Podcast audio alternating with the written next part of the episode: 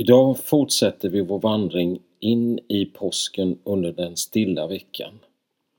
Den stilla veckans kulmen är de tre heliga påskdagarna.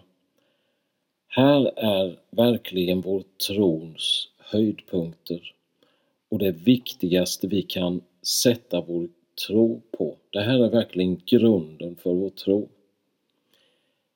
Min uppmaning har ju under hela veckan varit till dig att låta den stilla veckan vara stilla. För trots alla orostider så är det en tid nu att reflektera över våra liv, vad det är vi gör, vad det är som är värdefullt för oss och verkligen inse vad det är som håller i längden. Att kunna hitta just hänförelsen i att leva i en härvaro är nog en av livets största utmaningar. Härvaro, det kanske inte är ett så vanligt ord, men det är att vara närvarande där jag är. Vi har under veckan stannat vid olika bilder, spegeln, brödet, vattnet och stenen. Idag får vi stanna inför vår hand. Per Harling skriver i en sång Det finns händer som erbjuds som hjälp åt en vän och händer som tar men ger aldrig igen. Det finns händer som smekar sin älskades kind, händer som dödar för just ingenting. Det finns händer som får sitt dagliga bröd och händer som skakar av hunger och nöd. Det finns händer som öppnas och söker kontakt, händer som knyts i en skälst av förakt.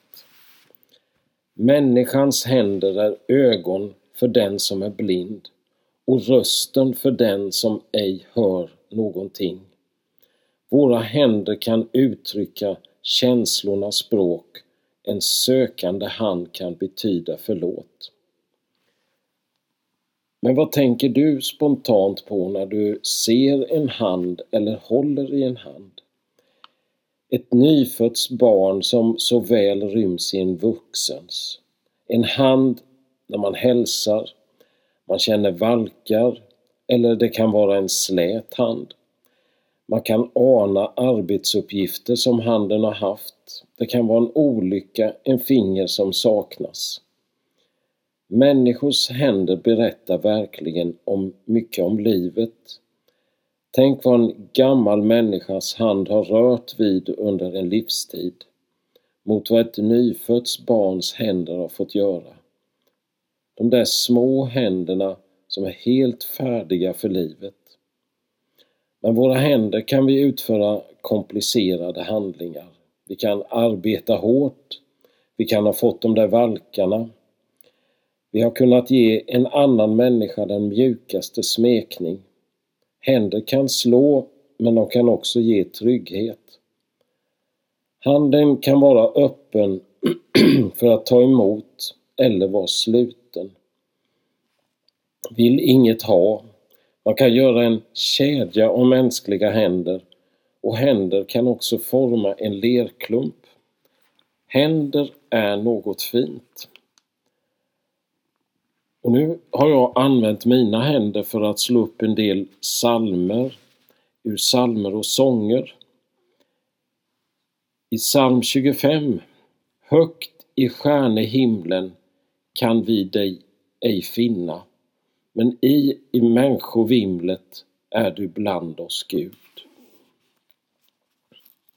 Och i psalm 98 Ett vänligt ord kan göra under det läker hjärtats djupa sår. Det är ett ljus i mörka stunder, en hand som torkar ögats tår. Ett vänligt ord är änglabud, en hälsning ifrån Gud. Och så om man bläddrar till den 154 salmen. Dina händer är fulla av blommor. Vem var det som du tänkte ge dem till? Mina blommor var tänkta för Kristi grav, men han fanns ej där och hans grav är tom. Jesus uppstånden är du ibland oss, du som lever, lider på jorden nu. Våra ögon är till för att se dig, forma våra händer till tjänst och bön. Om du bläddrar vidare till psalm 138. Jag lyfter mina händer upp till Guds berg och hus. Från dem han hjälpen sänder och skickar ut sitt ljus.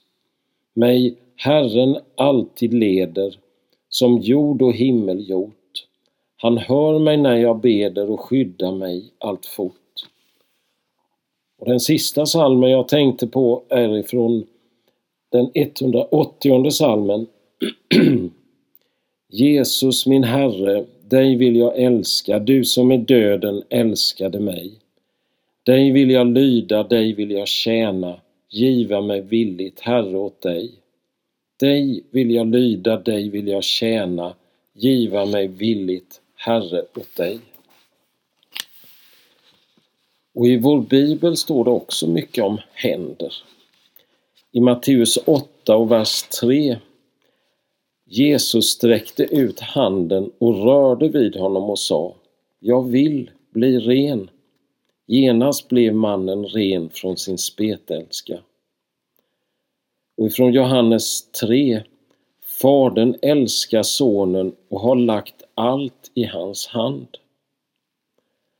Och i Apostlagärningarna 11 och 21 Herrens hand var med dem så att ett stort antal kom till tro och omvände sig till Herren.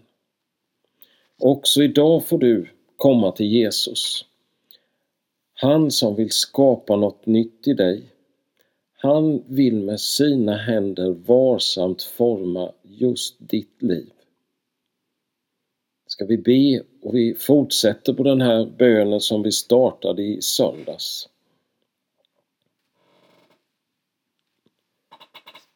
Jesus, du kommer som en soluppgång om natten, som en låga för vår längtan, som den goda hjälpen att våga se oss själva, som ett bröd för vår hunger, som vatten för vår törst, som stenen, klippan vi bygger våra liv på, som handen som ger trygghet och skapar.